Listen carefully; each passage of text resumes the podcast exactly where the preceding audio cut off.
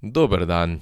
Ker ima vaš najljubši NBA podcaster privilegij, da ta teden preživi v planici na nordijskem svetovnem, vklopite si kaj val 202, je bila tale epizoda posneta vnaprej. Posneta je bila pa po točno določenem scenariju, ki si ga lahko preberete na Overtime newsletterju. Če se hočete nam naročiti in podobne članke v pisni obliki dobivati na svoj mail, je link v opisu, upišite svojo e-pošto in to je to.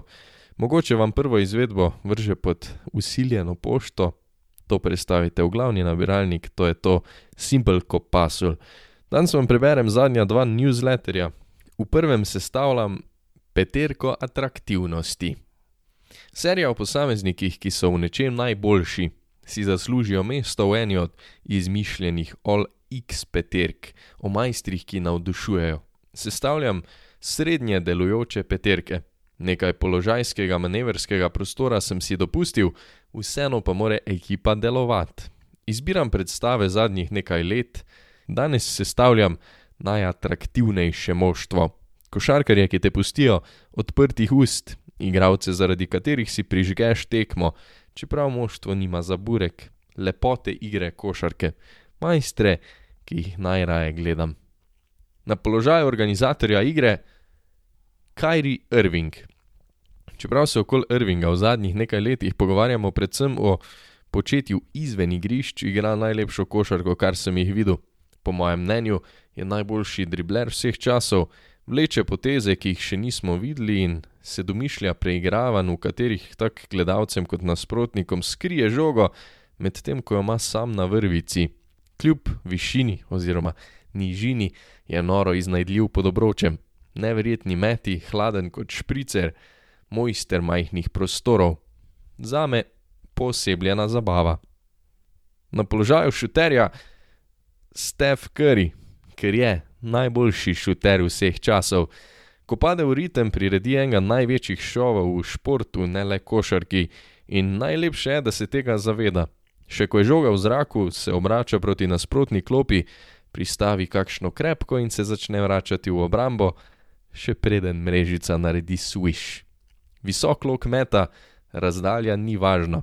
Ko šef Curry začne kuhati, je nezgrešljiv, premika se brez žoge, že njegovo gibanje je poezija, najde kanček prostora in v enem gibu postavi nogi, dobi žogo in ratatatatata.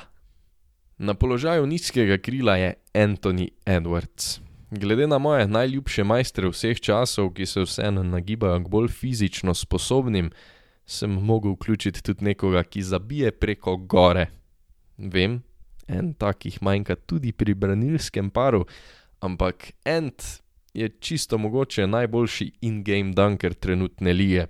Še vedno ti jih prilepi z razdalje, domače pa se počuti v hitrem koraku, ko drvi proti obroču in ob kontaktu iznajdljivo žogo položi ali zabije čez branilca s silo, ki so jo prikazovali največji v zgodovini. Že letos ima nekaj neverjetnih poster zabijanj, ki so krožila po spletu, so pa to neverjetne eksplozije, fizična vele sila. Na položaju visokega krila pa je Demar DeRozan. Tudi DeRozan še vedno poskrbi za zabijanja, ki te pustijo odprtih ust, ni pa več zabijač iz mlajših dni. Na tej listi je zaradi svoje spretnosti, zaradi svoje tekoče igre, čistosti njegovih strelskih predstav. Večkrat vrže za zmago, predvsem pa čara okoli rakete. Skoraj pozabljena igra, ki se v zadnjih letih vendarle vrača v ligo NBA, pionir povratka pa je nedvomno Demar. Veš, da gre na vrh rakete, pa je od tam preprosto nezaustavljiv. Lepi prehodi, pivot, meti iz obrata in podobna osredotočenost kot pri krju. Ko gre, gre vse. Poezija gibanja, igra čista kot solza. In še velikan na centru, Nikola Jokič, ki ni le najboljši podajalec na položaju centra, je en najboljših asistentov vseh časov. Zagotovo je zabavno gledati fizično dominantne velikane, ki kot skozi zid prodirajo skozi nasprotnike, Jokič pa je dominanten na drugačen način, dosega točke in tudi s telesno maso nadigra nasprotnike, predvsem pa jih postavi v mikser z norim košarkarskim IQ-jem. Pošlje jih v levo, ko gre v desno. najde svoj igralca ob točno pravem času in skrbi, da napad teče kot švicarska ura. Čeprav deluje kot v počasnem posnetku, ima nasprotnika točno tam, kjer ga hoče. Lepilo, gravitacija, center v obeh pomenih svoje ekipe. Žoga gre, Joker pa je tako z doseganjem točk kot z asistiranjem en najboljših napadalnih košarkarjev vseh časov.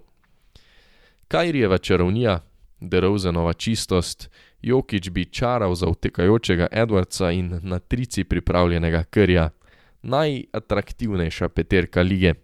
Žoga bi šla, trice bi padale, zabijanja bi tresla dvorano. Moram pa se dotakniti tudi imen, ki so bila v igri, poudarek seveda na Džaju Morentu. Nedvomno en najatraktivnejših basketašov planeta, ker vsakič, ko stopi na igrišče, čakamo novo vragolijo. Čisto verjetno bi lahko katerega od branilcev zamenjal z njim, najverjetneje pa bi bil predvsem pred obema krilnima košarkarjema, če bi mu igralni položaj to dopuščal. Kot rečeno, igra Kajrija Irvinga je praktično čarobna, medtem ko je Krjev šel zaznamoval zadnje desetletje lige NBA. Na krilnih položajih sem imel največ vprašajev. Lebron James v zadnjih letih morda ni več v tej sredi, čeprav Miami je obronje en najatraktivnejših vseh časov, nezaustavljiv brzi vlak. Na mesto Derozana sem razmišljal še o Durantu, ki je v veliko vidikih demar na steroidih, občasni nori kuci čikaškega bika in predvsem nezaustavljivi meti za dve točki pa so potem tukaj prevladali pri končni odločitvi. Koga pa vi najraje gledate? Ko pa smo se že pogovarjali o Morentu in o njegovem izostanku, se mi je zdelo edino pravilno, da ga postavim v osrednjo vlogo svojega zadnjega newsletterja z naslovom Najbolj osovražena ekipa lige. Ja, naslovni citat so besede Džaja Morenta, očitno pa manifestira svoje sporočilo. En najbolj visoko letečih branilcev v zgodovini in edini posameznik, zaradi katerega sem čutil fizično bolečino, ko ga nisem uvrstil v svojo najatraktivnejšo peterko. Ob prihodu v ligo je prikazal spekter idej, ki jih velika večina košarkarjev le sanja. V trenutku sem v njegovi senci prepoznal brise Derika Rosa, kar je vodilo do neutemeljene ljubezni na prvi pogled. V trenutku mi je postal en najljubših košarkarjev planeta. In potem je začel tvitati nič Kajri level glupega, veliko absolutno nepotrebnih komentarjev. Od zasoljenih izjav, ko ne zna sprejeti kritike, do kriptičnih sporočil, kjer so se najverjetneje skrivale solze, vsi proti meni. Vsak čivk je najedal nekaj njegove priljubljenosti, v letošnji sezoni, predvsem v zadnjih tednih, pa se je meja dokončno nagnila proti najedanju. Pravzaprav to velja za celotno ekipo Grizzljev, Džah je le frontmen tega benda. Lani so se drugič v tej zasedbi prebili v končnico in prišli do noro uspešnega, nikoli videnega konferenčnega polfinala. Vrhunski dosežek. Obnašajo pa se, kot da so odkrili toplo vodo. Džab pravi, da so najbolj osovražena ekipa lige, ker so glasni, drugim pa to ni všeč. Da ljudje pravijo, da so napihnjeni, čeprav so le samozavestni. Vseeno mislim, da je med samozavestjo in aroganco razlika. Pri prvi nasprotniku vseeno kažeš spoštovanje, pri drugi tega pač ni treba. Ekipe in posameznike, ki so osvojili že krepko več kot je kdorkoli od Memphisa sanjal, imajo grizli skoraj za norce.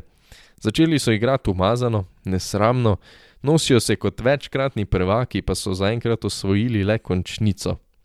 Tudi Džarat pove, da so bili v prvih sezonah oni lovci, zdaj pa je tarča na njihovem hrbtu.